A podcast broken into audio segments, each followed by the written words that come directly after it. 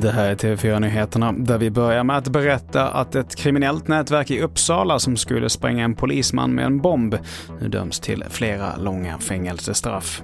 Utöver attentatet har gänget även stått avtalade för grova narkotikabrott och grova vapenbrott. Polisen säkrade bevisningen genom flertalet tillslag och information från den krypterade tjänsten Encrochat. Och smittspridningen av deltavarianten ökar både utomlands och i Sverige. Det är enligt den senaste rapporten ifrån Folkhälsomyndigheten.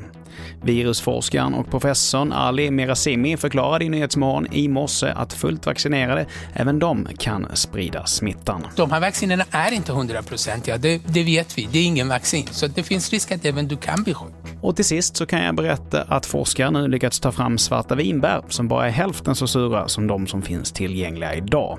Det rapporterar SR. Och de här bären väntas finnas i handeln inom några år. Det var det senaste ifrån TV4 Nyheterna. Jag heter Mattias Nordgren.